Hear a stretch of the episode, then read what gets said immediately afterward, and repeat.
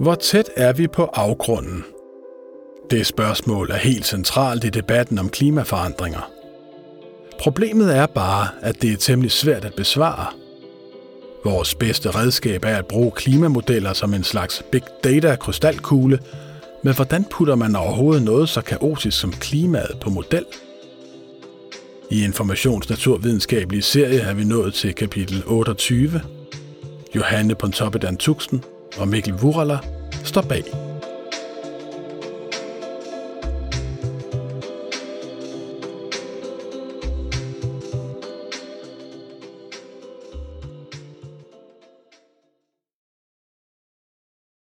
I 2010 rendte Sebastian Mernil rundt i Østgrønland og var chokeret. Mange andre år havde professoren i klimaforandringer og glaciologi været i Grønland. Mange andre år havde han trukket i felttøjet om morgenen, svunget rygsækken og riflen op på ryggen og vandret fra feltstationen og op over nogle bjergrygge, krydset hen over et fladt plateau og der fået øje på isen. Ofte lidt længere væk end året før. Men dette år var anderledes. Godt nok havde han hjemmefra studeret meteorologiske data, så han vidste, at det havde været et usædvanligt tørt år. At der ikke var faldet ret meget sne. Men alligevel var han ikke rigtig forberedt på det, han nu så. På et enkelt år havde gletsjeren trukket sig små 40 meter tilbage. Jeg tænkte, hold da kæft, siger Sebastian Mernil. Jeg fik virkelig syn for sagen. Vi kunne se, at de her forandringer altså sker virkelig hurtigt, siger han. Det var i de år, han for alvor begyndte at arbejde med klima- og gletsjermodeller, der ser ind i fremtiden. I dag gør han nærmest ikke andet. Sebastian Mernil er en af de få danske hovedforfattere, når FN's klimapanel udgiver deres store rapporter, og felttøjet er byttet ud med lyseblå skjorteflipper, der stikker op over kraven på en nydelig pullover. Vi sidder ved Københavns Kanal lige rundt om hjørnet fra Klimaministeriet, hvor han om kort tid skal ind for at tale med ministeren. Klimamodeller er for alvor blevet en grænseflade, hvor naturvidenskab og politik støder sammen. Det er et afgørende redskab, siger han og nikker over mod Christiansborg på den anden side af kanalen. Klimamodeller er effektive. De viser, hvad det er for en fremtid, vi kigger ind i, hvis vi følger de klimapolitikker, der ligger på bordet – siger han. Den fremtid ser temmelig dyster ud. Sebastian Mernil tager sin computer frem og scroller ned over en mængde små grafer, der med deres røde, blå og gule farver, deres langstrakte kurver og pinde, maler et billede af fremtidens klode. Skrækscenariet ser nogenlunde sådan her ud. I år 2100 er verden et varmt sted at være – Temperaturen er steget med 3-4 grader, men det er et gennemsnit. Oppe på toppen af kloden ligger Arktis og sveder, gennemsnitligt 8 grader varmere end i dag. Isen smelter hurtigt. Verdenshavene stiger. I år 2100 er de kravlet knap en meter længere op. I år 2300 vil de vugge rundt 3,5 eller i værste fald 5,5 meter højere, end de gør i dag. For fødderne af os driver en lille familie afsted af Københavns kanal i en lejet båd. Lige her kan vandet snilt stige flere meter, før vi får våde skosåler. Men i Skandinavien vil vandet i år 2100 ikke bare stige nedefra, viser skrækscenariets grafer. Det vil også vælte ud af himlen. Vintrene bliver vådere, det er sikkert. Måske helt op til 20-30 procent vådere her på vores kanter. Afrika derimod – vil over en bred kamp blive et knasende udtørret kontinent, måske 20-25 procent tørre end i dag. Sådan ser verden ud i år 2100. Eller også gør den ikke. At spå om fremtidens klima er en svær disciplin. Klimaet er vanvittigt komplekst. Det er ikke bare et spørgsmål om vejr og vind. Det er summen af, hvor meget CO2 der er i luften, hvor kontinenterne er placeret for tiden, hvor meget stråling solen udsender, og hvor meget der reflekteres tilbage fra jorden, hvor vores planet er på sin cyklus i verdensrummet, og hvordan kloden lige præcis er tiltet i forhold til solens stråler. Det kan virke næsten arrogant at tro, at vi nogensinde skulle kunne regne os frem til, hvordan klimaet vil opføre sig i fremtiden. Men er der noget, vi mennesker kan lide, er det ideen om, at vi kan det meste. Faktisk var det oplysningstidens kongstanke, at verden kan forudsiges og kontrolleres. Hvis bare vi kender de præcise udgangspunkter og regner på dem, kan vi forstå og forudsige alting. Planeternes baner for eksempel. Så hvorfor skulle vi ikke kunne udregne noget så nært som vores egen klodes vejr og klima? Det var vel, når alt kom til alt, et resultat af fysiske mekanismer, såsom hvordan luft opfører sig og hvordan varme bevæger sig med vindene. Sådan noget, som kan sættes på formel og udregnes. Som med ildhus sad videnskabsmænd i 1800-tallet og første halvdel af 1900-tallet og forsøgte at regne det hele ud. Og med tiden gik det bedre og bedre. Computeren blev opfundet og forbedret, så man hurtigere kunne udregne en masse forskellige ligninger samtidig, og i 1950'erne og 60'erne blev man for alvor skarpere til at forudsige vejret. Flere forskellige forskningsgrupper forsøgte at udregne vejret i grove træk, ikke bare for i dag eller i morgen, men også hvordan det vil arte sig om 10, 20, 30, helt op til 100 år. Det lange tidsperspektiv gjorde vejrmodellerne til simple klimamodeller. Forhåbentlig, mente mange, vil man om ganske kort tid ikke bare kunne regne på og forstå, hvordan vejr og klima opfører sig, men også forudsige det langt ind i fremtiden. Og det så lovende ud. Lige indtil man stødte på en sommerfugl, der baskede med vingerne i Brasilien. I 1961 sad en temmelig genert matematiker ved navn Edward Lawrence på det amerikanske universitet MIT og legede med en simpel computerbaseret model over vejrmønstre. Helt basale regler for, hvad der fysisk set skaber vejret, indkodede han og fik programmet til at analysere på 12 forskellige forhold som lufttryk og temperatur. Men hans computermodel opførte sig mærkeligt. Når han ønskede at gentage et bestemt værsystem, som han allerede havde kørt igennem modellen, kom der nye resultater ud hver gang.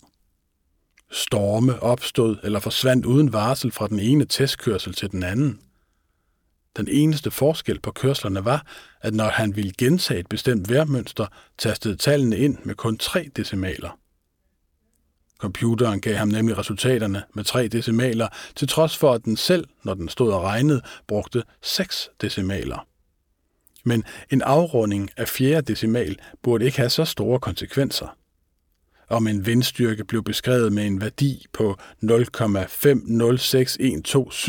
eller 0,506, burde ikke betyde forskellen på, om en orkan opstod eller ej. Lidt ligesom at nogle få tusindedele af en krone ikke er forskellen på et rekordår eller konkurs for en virksomhed. Samvittighedsfuldt satte Lawrence sig ned og spekulerede og eksperimenterede og kom frem til en konklusion, der chokerede videnskaben. Verden er fuld af kaos.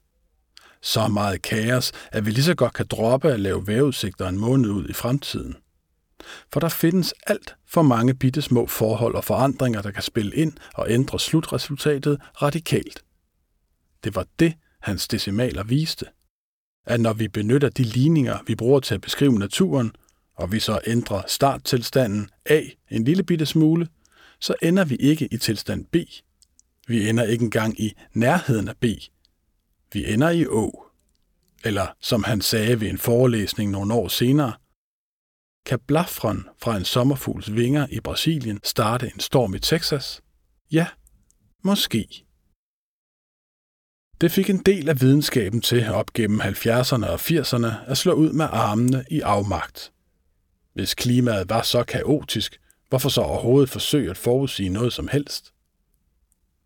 Af alle mennesker blev det Lawrence selv, der kom de frustrerede til undsætning. Nok var vejret og klimaet kaotisk og til tider utilregneligt, men, forskede han og andre sig frem til, der er system i kaos. Nej, man kan ikke forudsige, hvilken dag en storm vil ramme en bestemt by, men der er visse sæsoner, der er mere stormbetonede end andre. Der hersker ikke fuldstændigt kaos. Vi kan ikke forudsige, hvordan vejret bliver Sankt Hans aften 2023, men vi kan med 99,99% sandsynlighed forudsige, at det bliver sommer, og at temperaturen derfor ikke er minus 5 grader. Vi kan ikke forudsige vejret om 50 år, men vi har en chance for at forudsige, hvilken slags klima der vil være, ud fra hvordan klimaet opfører sig gennemsnitligt set. Hvad det sandsynlige vejr er. Og den erkendelse var ekstremt vigtig, for nu kunne videnskaben med en vis selvsikkerhed begynde at udvikle modeller til at regne på, hvad det sandsynligvis vil betyde for fremtidens klima, hvis vi ændrer forholdene. Hvis vi for eksempel skruer op for vores udledning af CO2. Derfra gik det stærkt. Forskere indså, at havet og atmosfæren er så sammenflettet, at de på sin vis er to ender af samme system. Som en radiator ligger havet og varmer atmosfæren op nedefra og fylder den med vanddamp, og samtidig skaber vindene bølger, der sætter bevægelse i oceanerne. Så i stedet for vejrmodeller blev der udviklet atmosfære- og oceanmodeller, som blev videreudviklet til at inkludere betydningen af jordens iskapper og biodiversitet, fordi livet har stor betydning for klimaet. Over hele kloden sidder hundreder af forskergrupper med hver deres model og forsøger at regne på de fysiske ligninger, der ligger bag vejret, atmosfærens, oceanernes strømme, iskappernes bevægelser og biodiversitetens betydning. Og den mangfoldighed er vigtig. Er der noget, Lawrence og hans kaosteori lærte os, er det, at det ikke er nok med én forudsigelse, med én model. Der vil altid være forudsigelser, der stikker af i den ene eller anden retning, så vi bliver nødt til, som FN's klimapanel, at samle en bunke af forudsigelser og betragte gennemsnittet og måske deri se vores fremtid. Og så er den alligevel fuld af usikkerhed, den fremtid, vi ser ind i. Jo længere frem vi kigger, og jo tættere vi zoomer ind på verdenskortet, jo sværere bliver det at forudsige klimaet. Hvis vi gerne vil kende til fremtidens sommer i Danmark for eksempel, taler mange forudsigelser for, at de bliver vådere. Men andre forudser, at de bliver tørre. Verden er et vildt sted. Klimaet er komplekst. Selvom forskerne fejltjekker deres modeller ved at lade dem forudsige klimaet fra år 1900 og frem til i dag og sammenligne resultaterne med de klimaforandringer, vi ved har fundet sted, er der stadig meget, vi ikke forstår. Vores modeller er ikke bedre end de personer, der har udviklet dem, siger Sebastian Merkel. Han klapper sin computer sammen og rejser sig. Klimaministeren venter. Det er på tide at sætte tingene på spidsen. Hvor tæt er vi på afgrunden, spørger information. Han griner. Det kommer an på, hvad man definerer som afgrunden. Hvis det drejer sig om at opretholde den verden, vi kender, så er løbet kørt, siger han. For der er ting, vi har sat i bevægelse. Selv hvis vi kunne lukke for alle haner, nedbryde hver en skorsten og fra i morgen kl. 16 og stanse al vores udledning af drivhusgasser, vil temperaturen stadig stige med op til en halv grad. For der er en forsinkelse mellem atmosfærens koncentration af CO2 og de temperaturstigninger, vi måler. Vi kan ikke bare smække vinduet op og konstatere, hvordan kloden har det – Ligesom at et godstog har en bremselængde, har vi sat processer i gang, som vi ikke bare sådan lige kan stanse. Vi kan tilpasse os, siger Sebastian Mernil og vender ryggen til Holmens kanal. Men for alt i verden skal vi ikke have en verden, der er 3-4 grader varmere end i dag, siger han. Oveni truer udviklinger, som det er svære at forudsige modeller, nemlig hvornår dele af klimasystemet når et punkt, hvor det løber løbsk af sig selv – som det kritiske punkt, hvor iskapperne ikke kan opretholde sig selv og går mod stadig stigende istab.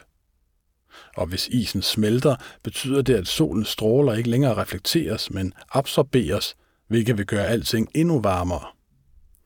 Den slags amokløb kan ses som selvforstærkende effekter, og de kan, som vi skal se i næste uge, accelerere klimaforandringerne langt hurtigere, end modellerne forudser.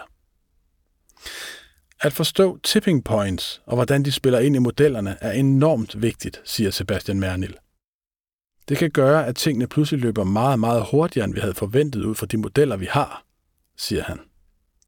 Så vender han sig om og går ind i Klimaministeriets tunge, grå koloss.